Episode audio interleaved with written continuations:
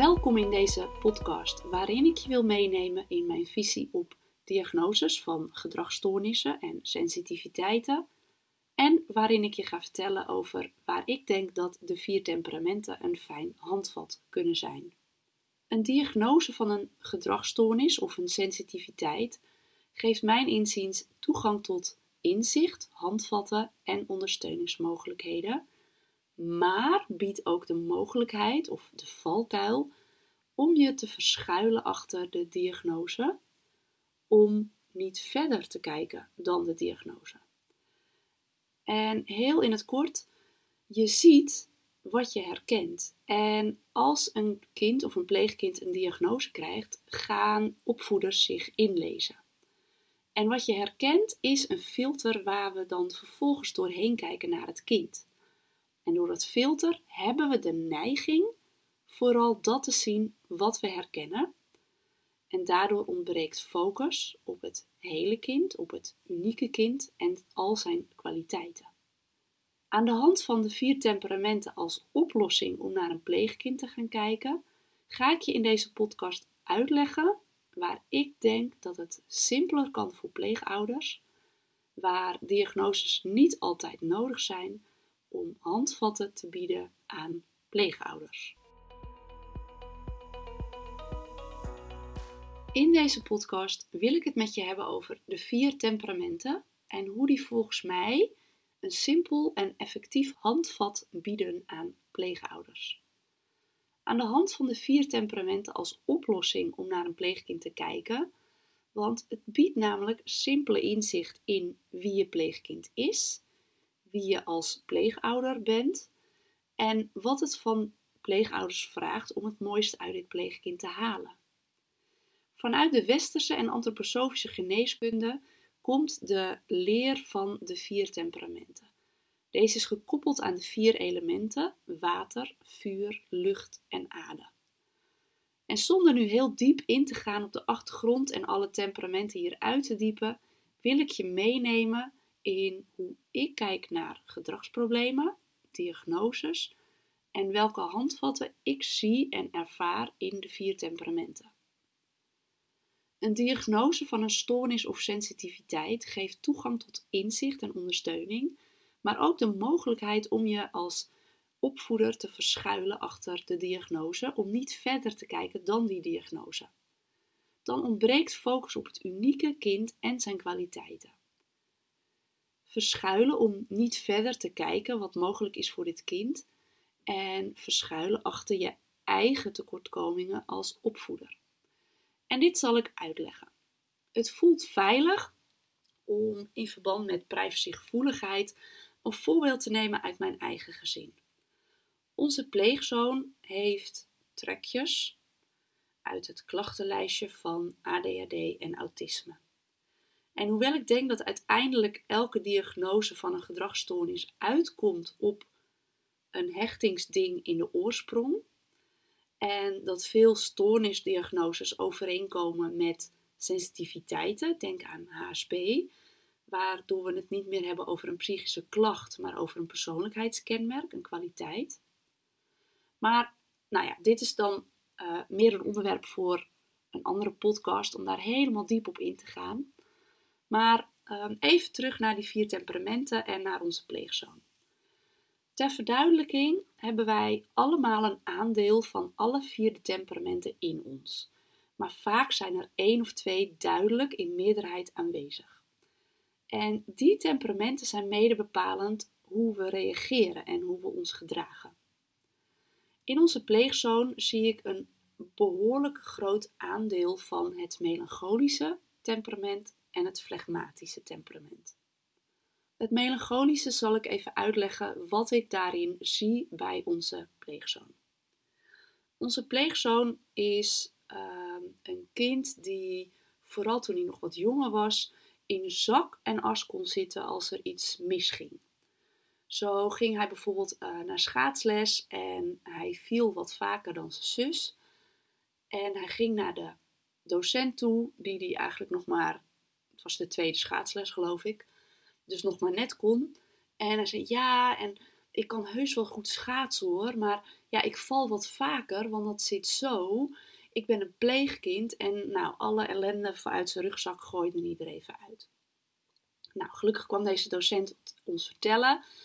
Maar dit is hoe onze pleegzoon uh, omgaat met datgene wat hij meegemaakt heeft. Alles voelt als zwaar. Het leven voelt zwaar en dramatisch.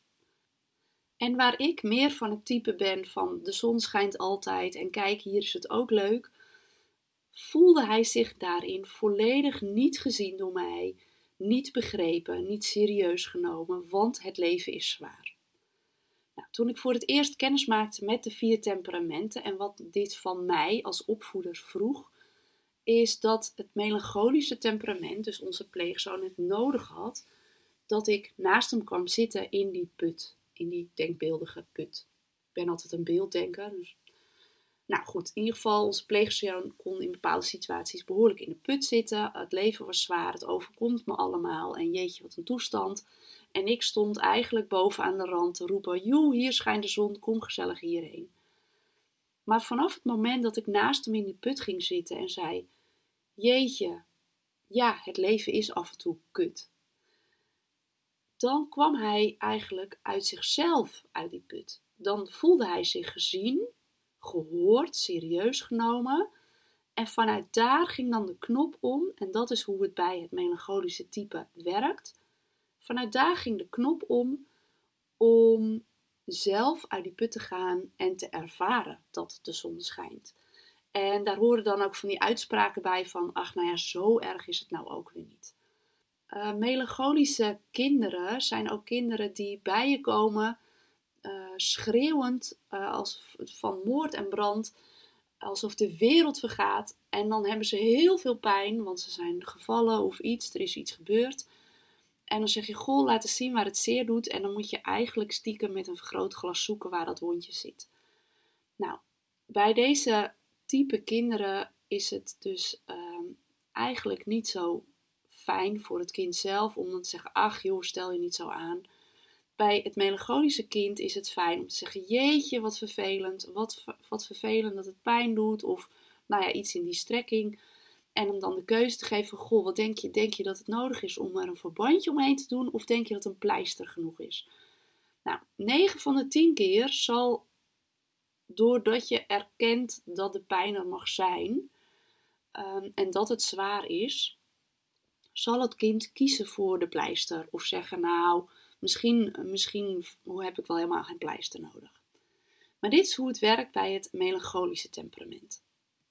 Dan heeft onze pleegzoon een behoorlijke vleug van het flegmatische temperament in zich.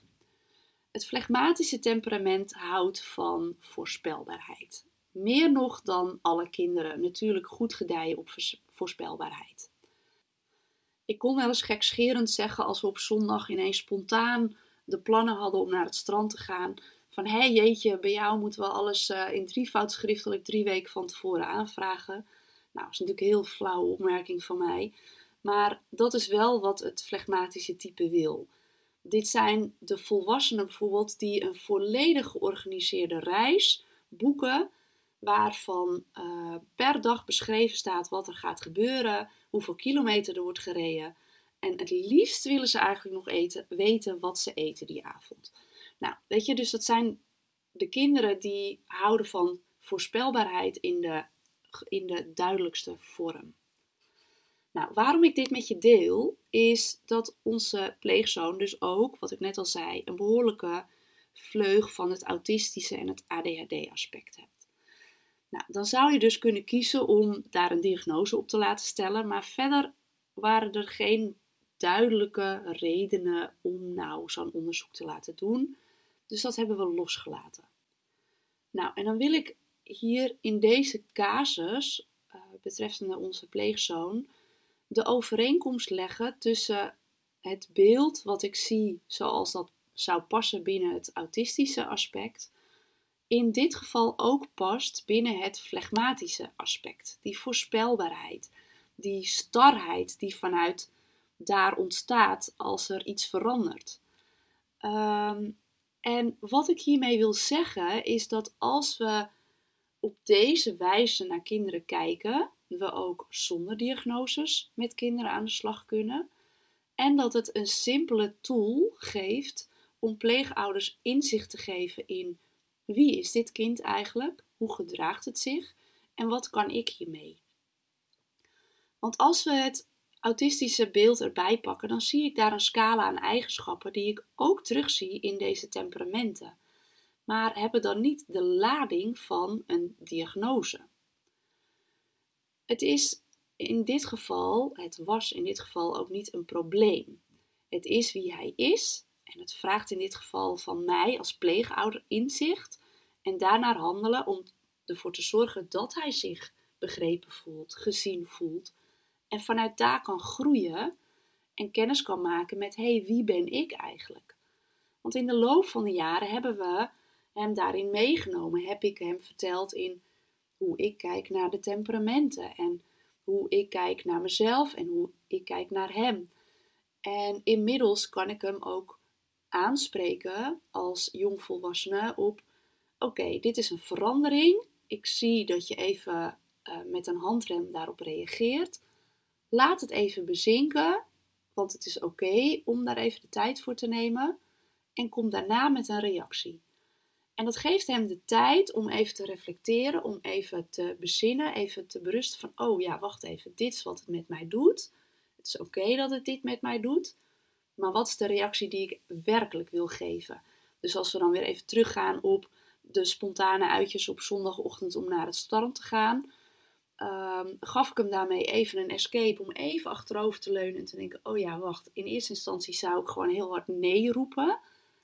Maar eigenlijk vind ik het best leuk, waardoor hij door hem die tijd te geven met een ja kwam. Nou, en op die manier kun je dus omgaan met de inzichten die die temperamenten geven.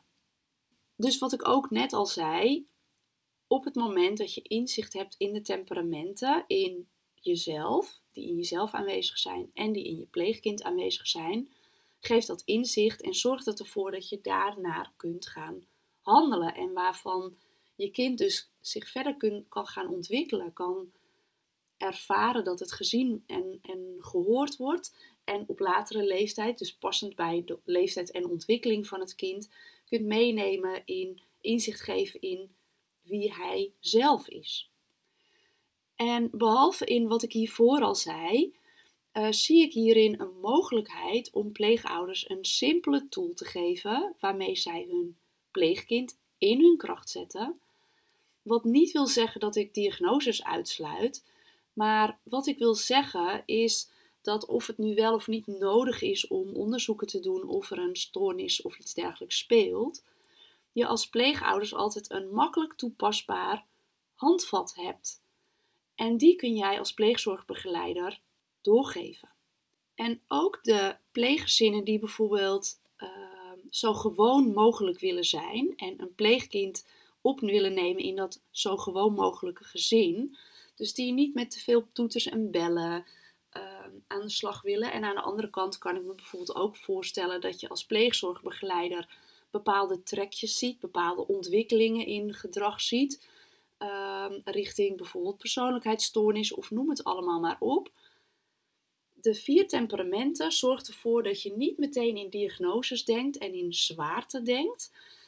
Maar dit is toepasbaar op het hele gezin, op ehm, kinderen met of zonder rugzak. Dus de biologische kinderen in het gezin en de pleegkinderen. En op deze manier kun je als ouders, als pleegouders, het mooiste uit elk kind naar boven halen benadrukken en laten groeien. Nou, tot zover mijn inleiding in het waarom ik denk dat het een stuk simpeler, maar doeltreffender kan uh, door deze tool aan pleegouders te gaan leren. En in de komende podcasts ga ik jullie echt nog meenemen in de vier temperamenten en in deze zienswijze.